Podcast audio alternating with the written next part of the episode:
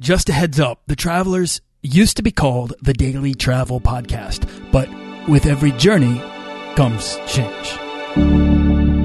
This podcast is produced by Holocene, a community of creative travelers. If you want to get serious about planning that next trip, writing that book, starting that creative project, or launching that business, we're breaking down the barriers between where you are where you want to be together at joinholocene.com. That's join, H O L O C E N E.com. This is part two of my conversation with the professional hobo, Nora Dunn. You want to travel further and more often to visit new places and meet new people and expand the role that travel plays in your life? I'm your guide, Nathaniel Boyle, an explorer that wants to help you get out, see the world, and find meaningful, life changing experiences. Everyone wants to be adventurous and have great stories. To do the stuff of legend. This is the Daily Travel Podcast.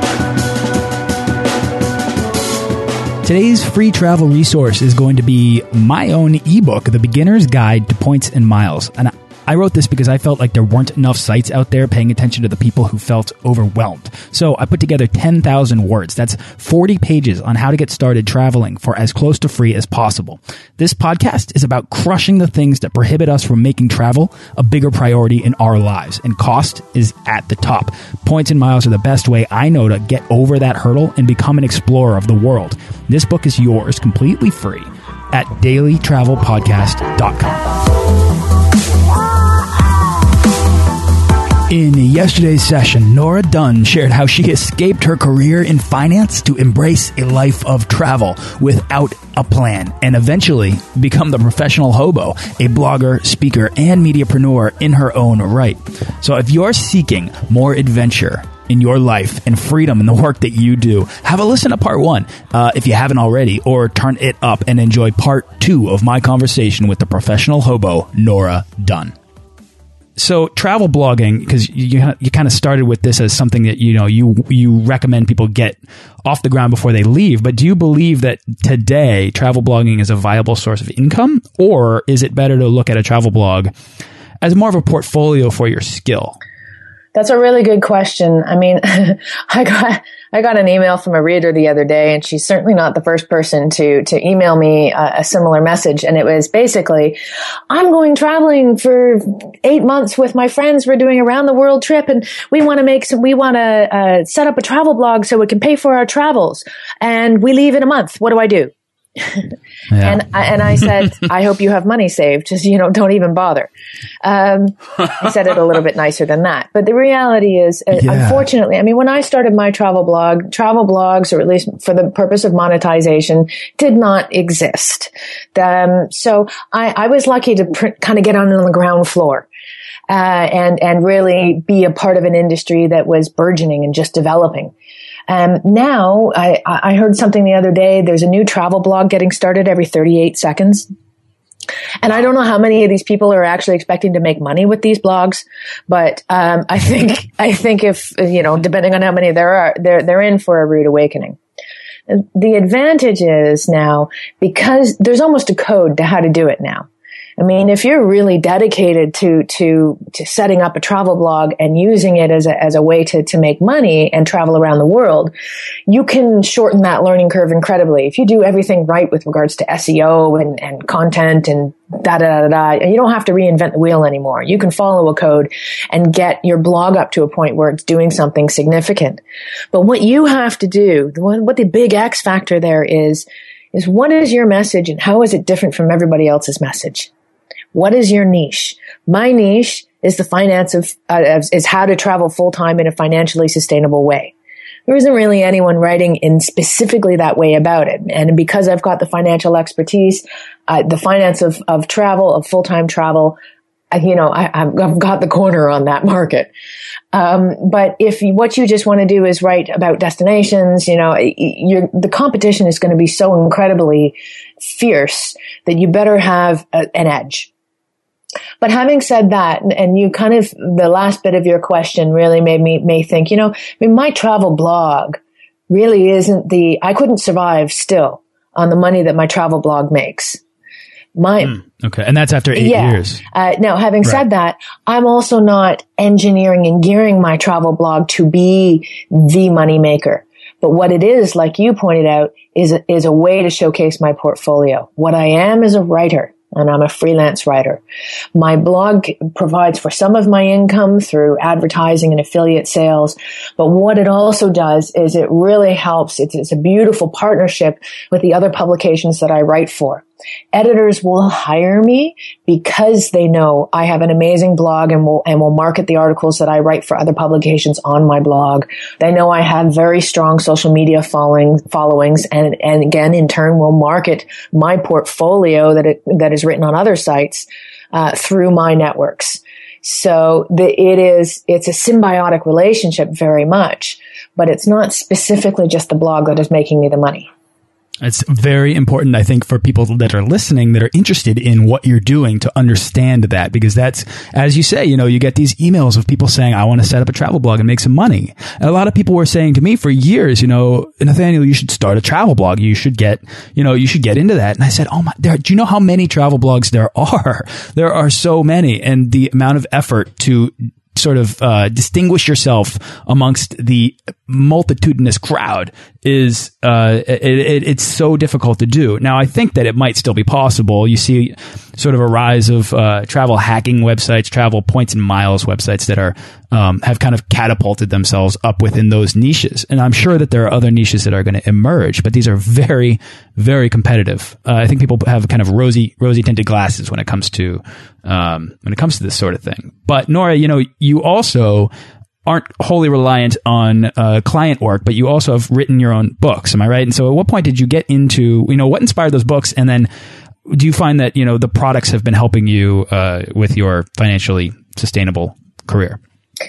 Well, standard standard business practice dictates um, the less that you are trading your time for money and the more you are making money in your sleep, aka have passive income, uh, the more freedom you have uh, with your lifestyle. And uh, I don't like to, I mean, there's no point in my traveling around the world if I'm consistently sitting on my laptop. um, I mean, already the hours that I work are pretty much full-time hours. I just have the advantage of flexibility of, of schedule. And obviously when my work is done for the day, I step out my front door into some crazy cultural experience um, but it's still work. Uh, but but yes, standard. I, have been working hard on developing passive forms of income, and of course, a brilliant passive form of income is to have uh, digital products and services available, uh, or uh, of course, to write books. Every writer wants to write a book. Um, they say that writing a book is the easy part. It's marketing it, selling it that uh, that is tough um, that was that was said by someone who's a print author. You know, she's she uh, she writes a fair number of books for print, uh, and yeah, I mean, you've got to get out there and you've got to peddle it. So, I mean, you can write a book, but the the world is not going to beat a path to your door to buy it necessarily. Um, but where the inspiration from my books came out was I realized, you know, it's funny when you experience anything. I mean, in my case, travel. I mean, I started traveling. I didn't know what I didn't know about travel. Right. And then right. I, as I developed the, the experience and got years of travel under my belt, then the stuff that I did know, I figured everybody knew.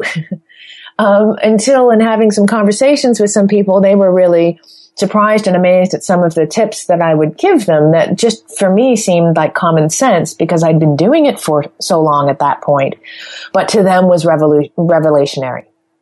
So I re- and of course I had so much content on my site that if you wanted to find half of the tips and advice and stuff that I had available, you know, eight years of content, you know, really, you know, right. where do you start? Where do I even try to find the sort of things that, that you can teach?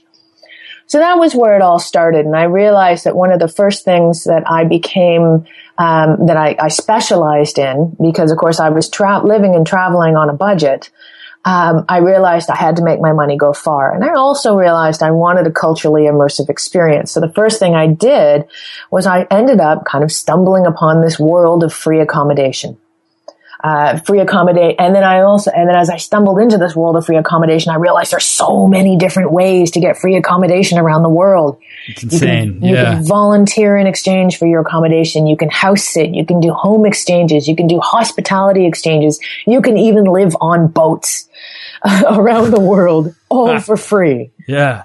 You know, that's a critical ingredient in the recipe of a life of travel or life that embraces travel as a larger component uh, within its, you know, day to day living. But, it, you know, accommodation is, it, that's the biggest expense. It's the largest ex expense for most people who are tethered to one place, who live in a home, who rent, or who travel and then drop, you know, thousands on hotels or even um, on you know Airbnb spaces. You know, you can still budget travel and still stay in hostels and still feel like that's really expensive.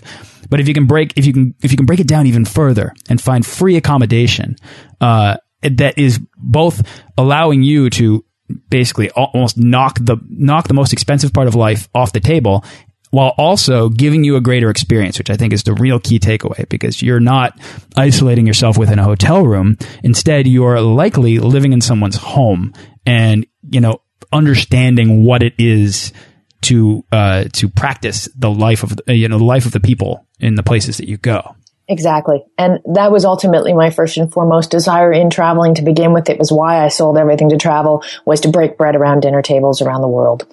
So, uh, this was the, my, the way I started into it was with volunteering and, and then uh, just, just doors blew open with regards to where I could volunteer or how I could get free accommodation. I mean, house sitting is, has been the more recent thing that I've done in recent years because it gives me more time to work on my business uh, concurrent to getting beautiful, beautiful free accommodation around the world, uh, and you know all the comforts of home, somebody else's home.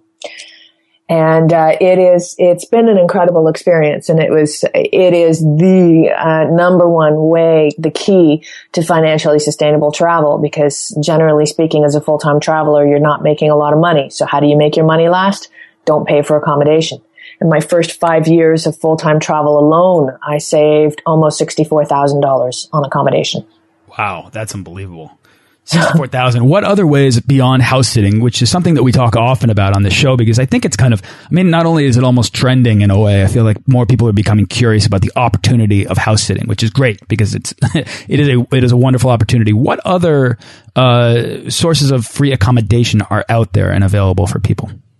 Well, I, I, like I said, I only really kind of got into the house sitting thing in the last couple of years, probably when everyone else started getting into it. Mm-hmm. But prior to that, my big uh, uh, mainstay was volunteering. And it would be, and you know, the, the standards kind of the, the, the, brand name that you think of when you think of volunteering around the world is WWOOFing. Uh, and WWOOFing is an, an acronym for Worldwide Work on Organic Farms. Uh, now, my thumbs are far from green. I am not a gardener nor an organic gardener, and um, I love trees, but I don't hug them so often. Uh, I, I, I, so it was. I, I, didn't really. The idea of working on an organic farm did not do much for me. Does, um, but also too as an organization. I mean, that's only one of many, many websites and and um, that you can use to find gigs around the world. Uh, one of the favorites that I, one of the first ones that I started with and one that was responsible for my getting gigs in three or four countries, uh, was called the Caretaker Gazette. Uh, and the website for that is caretaker.org. And it is, uh, it, what I liked about that was I've never really chosen my destinations. My destinations have chosen me because I want to go everywhere. So the question is where to first?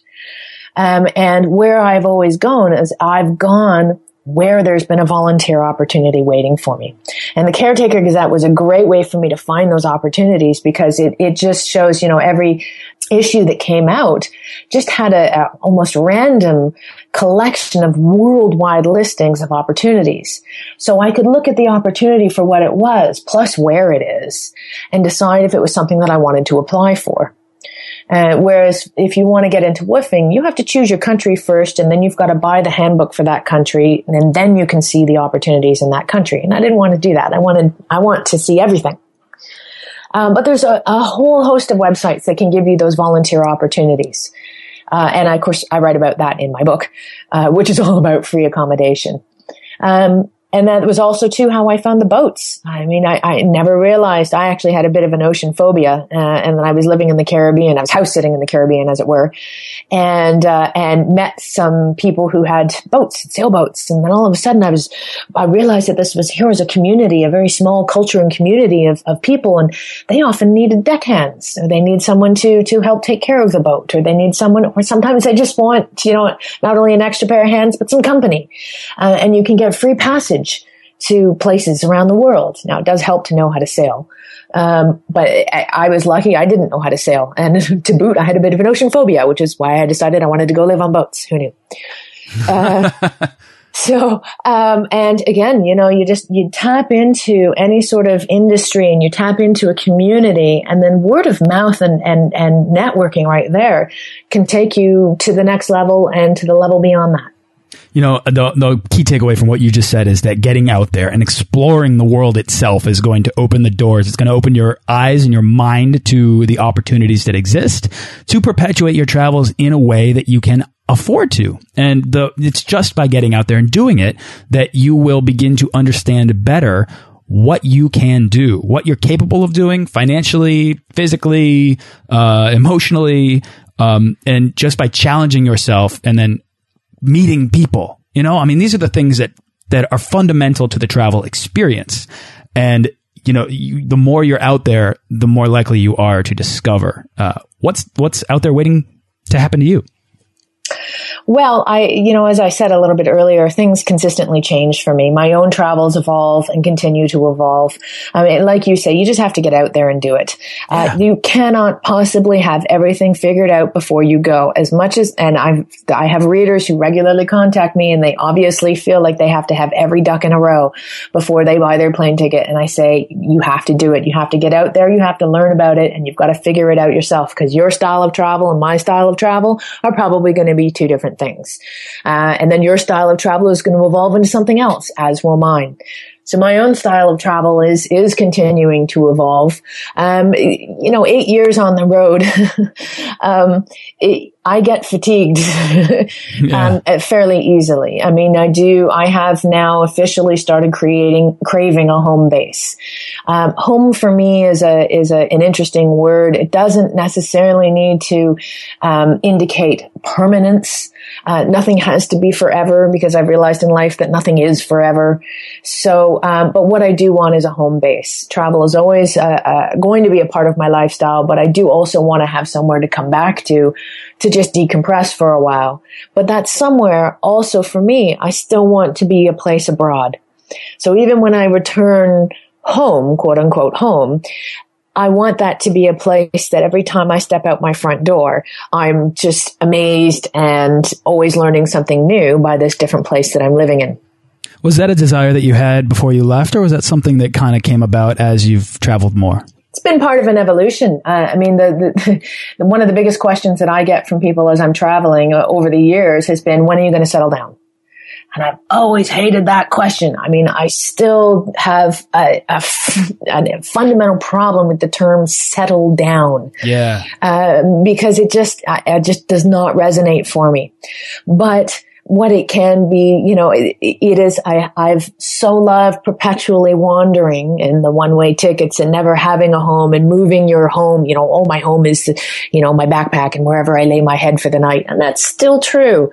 But I do like to just delve a little bit deeper. I love slow travel. I like living in a place, getting to know the people, the culture and really going deep. And for me, going deep means staying there for a while. So most recently, I spent three months in Peru, uh, in the Sacred Valley of Peru, about 45 minutes outside of Cusco. And I fell head over heels in love with the place. I love the place, the people, the nature, the culture. I started to learn Spanish and almost became fluent, but not really, but I'm working on it. and, um, three months wasn't long enough this was a place where I thought this is a land of discovery. I mean, there is so much to discover here. The energy here is amazing. The people here, you know, it's, it's such a different culture that you really need to spend a lot of time there for them to understand that you're not going to just take off. You're not another tourist. Uh, so, you know, in order to get to know the people that I really want to get to know, I have to be there for a while. So uh, that's where my next home base is going to be. I'll be uh, after spending a month in Spain in August. I'll be returning to Peru in September, and uh, very uncharacteristic for me, I'm not actually going to volunteer in trade for free accommodation. Instead, I'm going to rent my own place. Oh wow! Well, that'll feel like your own, right? It well, it is. It will feel like my own, which is going to be very nice. Uh, and also, too, it's I've reached a point with my writing business that uh, I mean, not only does it keep me busy, like I say, it's pretty much a full time job. Uh, so volunteering, you know, twenty hours a week in addition to a full time job, really, I, I may as well not travel at all but also the income that, that my writing is kicking out is enough for me to live smartly and frugally, but uh, in various places around the world and to just pay for that accommodation. So that's one of the ways in which my own travels have evolved uh, by virtue of just being on the road and being working location independently for eight years. Uh, as the income curve has changed, I've been able to change how I do my travels as well. Sure. Uh, you know, that, that's a really critical, uh, perspective to have for anybody that's listening that's thinking, wow, this is really interesting. I'd love to try this out. Uh, it, it, the time that it takes to build the businesses that you want to do, it will take you time. Just be patient if you want to get started in that world. Um, Nora, I could ask you a thousand more questions about that. If you still have time, I'd love to go through the travel advice lightning round with you if you All right, are up let's for do it. it. Yep. All right, here we go. So this is the part of the show where we boil down the how and the why of travel into pragmatic advice. Um, I'm going to give you series of questions, and you're going to hit me up with your best travel tips. Uh, sound good? Sounds good. All right. For a lot of people, taking that first step out the door can be the hardest part of travel. So, what's your advice for anyone dreaming to take the first step to becoming a world traveler? Do it, book it. Don't think too much about it. I love it. It, it really, it's, it's like, it's that simple. Just put yourself in a position, get that ticket or book that experience or buy that travel guide. Just do something to set yourself on that tangential course. You did, like I said a little earlier, you cannot possibly have everything figured out before you go. You have to jump in and learn how to swim. I love it. All right. So the biggest hurdle for most people who want to travel more uh, is cost. So now we've probably already covered it, but do you have a secret money saving tip or a travel hack? Obviously, getting free accommodation around the world is my number one money saving hack. Uh, but the other one too is uh, my, my second trick to it uh, is uh, transportation wise, go slow. The slower you're moving, the less you're moving around, the less money you'll be spending. And when you, and when you do go, I am also a bit of a frequent flyer mile junkie. So all of my long haul flights are in business class and they're for less than the price of an equivalent economy ticket. That's huge. It's huge advice at the very, very, very baseline level. Sign up for an account. Sign up for a frequent flyer mile account before you fly. Just do it. And then, uh, you know, I can help you take the next step there. Uh, Nora, packing, easily my least favorite part of travel. Do you have any advice to help people pack better? The less you pack, the better. The weight of your bag is equally proportionate to your level of misery on the road. Uh, I, I started off with a big bag, then it got smaller, smaller, and then smaller again. And now everything I own fits into a carry-on case and I could not be more happy. That's it. Carry-ons out all the way. All right. Do you have a favorite internet travel tool or resource? Well, I mean, there's this book called How to Get Free Accommodation Around the World that I think is really good. Oh yeah, uh, and, could, and, we'll link to that in the show notes. Other than the shameless self promotion, there, um, I really do like the uh, the various websites that are out there for uh, for getting free accommodation. Um, yeah, this is the Caretaker Gazette, TrustedHouseSitters.com. I mean, I've yeah. got a whole list of them, but those are two of my favorite go tos. That's amazing. Well, I'm going to point people in the direction of your website and your book in order to kind of dive deep into that because you're clearly you're clearly an expert on that topic. Uh, and one other one other resource I can give you actually, uh, and, and, this ties into my evangelical love of train travel, is if you want to travel overland, the man in seat 61 yes. .com. It I love that website. Best website for planning any sort of train journeys or overland uh, travel around the world. Absolutely. I love that. Uh, Nora, the Trans Siberian Railway was the adventure that was calling me from afar. And it was the one that I answered. And it was the one that sort of compelled me to step outside of my life and uh, create a life of travel for myself and go around the world and then come back and say, well, how do I solve this problem? I can't go back to being the same person I was before I left. um, and, uh, and the, you know, these train journeys are such a great way to, to experience a culture while moving, while being in motion, there's something there's something really compelling and really satisfying about gazing out a train window as a country sort of slowly rolls by. I'm glad you feel the same way. I am, like I said, my love of train travel is evangelical, uh, and, and, was enough. I mean, I've done some absolutely ridiculous train stunts around the world, which of course eventually turned into my second book. Uh, which was uh, all about uh, where I realized eventually that it's not about getting somewhere on a train. The train is the destination. It is. And the people on the train, whether they're the people that work on the train or the commuters or the people that sleep in, sleep, you know, in your, uh, in your bunk room, in your train car room, uh, it really can be this amazing, uh, this amazing, incredible journey. Hop on, hop off, whatever. It, yep. I highly recommend it. And I would also point people towards your book for that. Uh, Nora, do you have a favorite piece of, uh, travel gear that you take everywhere you go? You know what? One of my favorite pieces of gear and, and that one that has allowed me to travel, uh, with carry on luggage only is called the Hobo Roll. Um, obviously, I like the name because it's hobo. Um, but uh, what it is, it's, it's just an ingenious piece of gear that allows you to not only organize a, a fairly large amount of stuff, but then you can compress it down to uh, a fraction of its size. And uh, it's durable and light and gets a lot of stuff uh, packed down into a very small space. I love it. All right, Nora, last question of the round. And we alluded to this maybe at the beginning, but what's the weirdest thing you've ever eaten? I eat a lot of weird things around the world. I'm very big about eating whatever is culturally Good. available. But the most recent weird thing that I ate was guinea pig, also known as cuy. It is one of the uh, one of the big dishes that's uh, served in Peru. Yeah, and it's literally served on a stick and kind of charred. Uh, so, tastes like chicken. Rabbit, actually. Ah, it tastes like rabbit, so it's kind of a stringier and gamier. Yeah, it's not so stringy, but it's it, it is gamey. If you've ever had rabbit, you you, you would know it's a lovely. It's actually quite nice.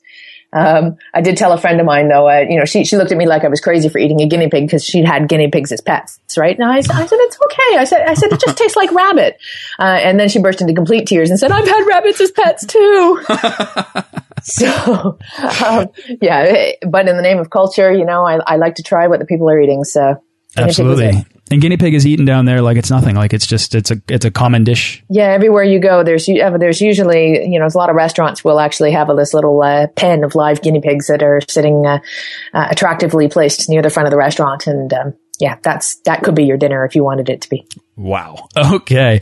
Uh, Nora, this has been a really uh, awesome conversation. We've really done a deep dive on accommodation, on sustainable, uh, financially sustainable travel, and uh, you and your life and what travel really means to you and why it matters. Um, I'm just wondering, is there anything else you'd like to share before we wrap up? Well, I think you've just, it's been fabulous to chat with you. And I think we've really covered a lot of stuff and, and uh, touched upon a, a, lot of the things that are really important uh, about travel and financially sustainable travel. Uh, and I just hope that uh, people get out there and have some fun doing it. Yeah, I mean, I'm sure that, uh, like me, you, I'm sure you feel the same way that what you do, encouraging people to get out and experience the world, to travel the world, and to kind of begin to understand its complexities is a worthy mission and probably something that motivates you to keep doing what you're doing on a daily basis. Well, it's a passion, and and, and it's uh, you know those passions can keep changing, but really, in the name of lifestyle design, you have to get out there and live the life of your dreams now because you never know what's going to happen later. So uh, it's uh, the the time is always right now. So Nora, what's exciting you the most right now? Where's your next trip, or what's your next project? I'll be spending Spain in August. August in Spain. I love it. and uh, which I'm looking forward to. I'll be staying with some friends in the south of Spain, which will be lovely. Um, but I, really, I'm I'm just so excited to be returning to Peru and uh, and just taking the next step in the evolution of my travels and my lifestyle. Yeah, congratulations on finding a place that you really love and that you want to kind of put some roots into. That is a big deal, I think, for somebody that's been for eight years sort of untethered. Yes, exactly, and and also too to do it with the freedom of knowing that uh, should another place catch my fancy and I want to move to that place, I can do that in the blink of an eye as well. So it's it's it's total ultimate freedom. Nora Dunn, where can people go to find out more about you? You can find out more about about me at theprofessionalhobo.com. Nora, thank you so much for coming on the time on the show. You've been very generous with your time, and uh, it's been an, an, amazing conversation. Well, thank you very much uh, for having me. It's been a real pleasure. Thanks for listening to this episode of the Daily Travel Podcast. For show notes and links to everything in this episode and more, head on over to dailytravelpodcast.com. Join our Facebook page of explorers and subscribe to our newsletter for the best deals and resources to help make your next trip life changing.